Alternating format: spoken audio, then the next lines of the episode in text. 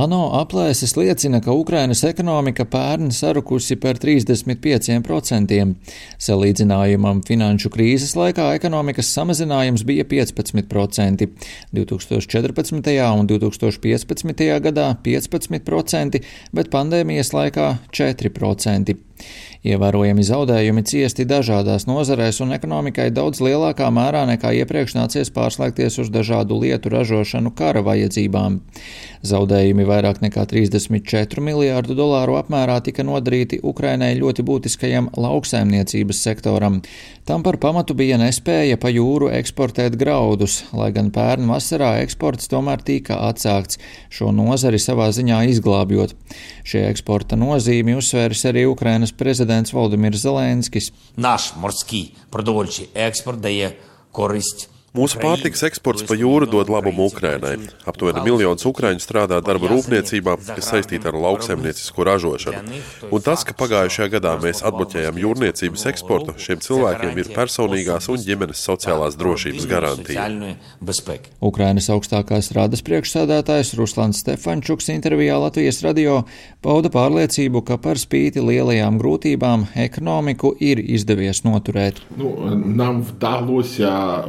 вже після того, як Tagad, kad ir pagājis gads kopš Ukrainā notiek karš, es varu teikt, ka mums ir izdevies noturēt ekonomiku, finanšu sistēmu, banku sistēmu kontrolē, un valsts budžetā esam atraduši veidus, kā finansēt izmaksas, pamatā kara izmaksas.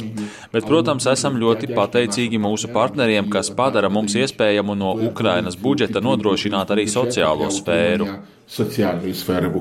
Finansiālā palīdzība no ārpuses Ukrainai patiesi ir bijusi kritiski svarīga, un valstī joprojām nepieciešami lieli finanšu līdzekļi. Startautiskā valūtas fonda vērtējumā šogad tie būs aptuveni 39 miljārdi dolāru. Tikmēr Ukrainas prezidents pērn rudenī Ukrainas vajadzības šim gadam aplēsa līdz 55 miljārdiem dolāru. Eiropas komisijas viceprezidents Valdis Dombrovskis intervijā Latvijas radio sacīja, ka daļu palīdzības 18 miljārdus eiro nodrošina Eiropas Savienība. Atlikušo daļu vajadzētu nodrošināt pārējiem starptautiskiem donoriem - ASV, starptautiskajām finanšu institūcijām, kā Starptautiskais valūtas fonds, Pasaules banka, citām G7 valstīm. Ukrainas valdība norādījusi, ka šim gadam finanšu nepieciešamība varētu būt nosakta, taču Eiropas Savienība ir gatava reaģēt, ja būtu nepieciešamas papildus vajadzības, tā piebilda Dombrovskis. Eiropas komisijas prezidente Urzula Fonderleina Minhenes drošības konferencē pauda viedokli, ka atbalsts ir jāturpina un tieši starptautiskajām finanšu institūcijām būtu jādara vairāk palīdzībā Ukrainai. Ukrainai nepieciešams izdzīvot ekonomiski, un ir labi, ka esam lēmuši par regulāru budžeta atbalstu Ukrainai 1,5 miljārdu eiro apmērā ik mēnesi. Un mūsu amerikāņu draugi pievienojas. Un es domāju, ka arī starptautiskajām finanšu institūcijām šajā ziņā jādara vairāk.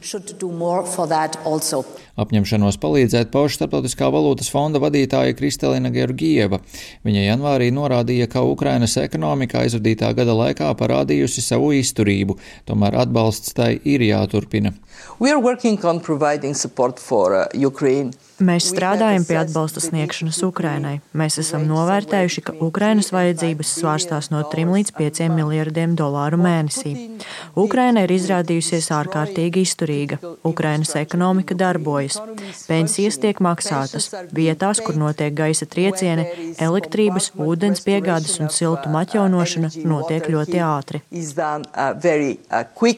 Tikmēr pērn publicētais Ukrainas valdības, Eiropas komisijas un Pasaules bankas kopīgi kopīgs novērtējums ieskicē summu, kas ir ievērojami lielāka par pašreiz nepieciešamajiem tēriņiem, proti summu, kas būs nepieciešama Ukrainas atjaunošanai pēc kara, un tās izmaksātu aptuveni 349 miljārdus dolāru. Vēl jau vairāk skaidrs, ka karš turpinās un šīs izmaksas aug. Darbs dažādos formātos, tostarp G7 formātā, notiek arī pie centieniem rast līdzekļus šīm vajadzībām, un līdzekļus varētu rast tostarp no Krievijas iesaldētajiem aktīviem. Rihards Plūme, Latvijas radio.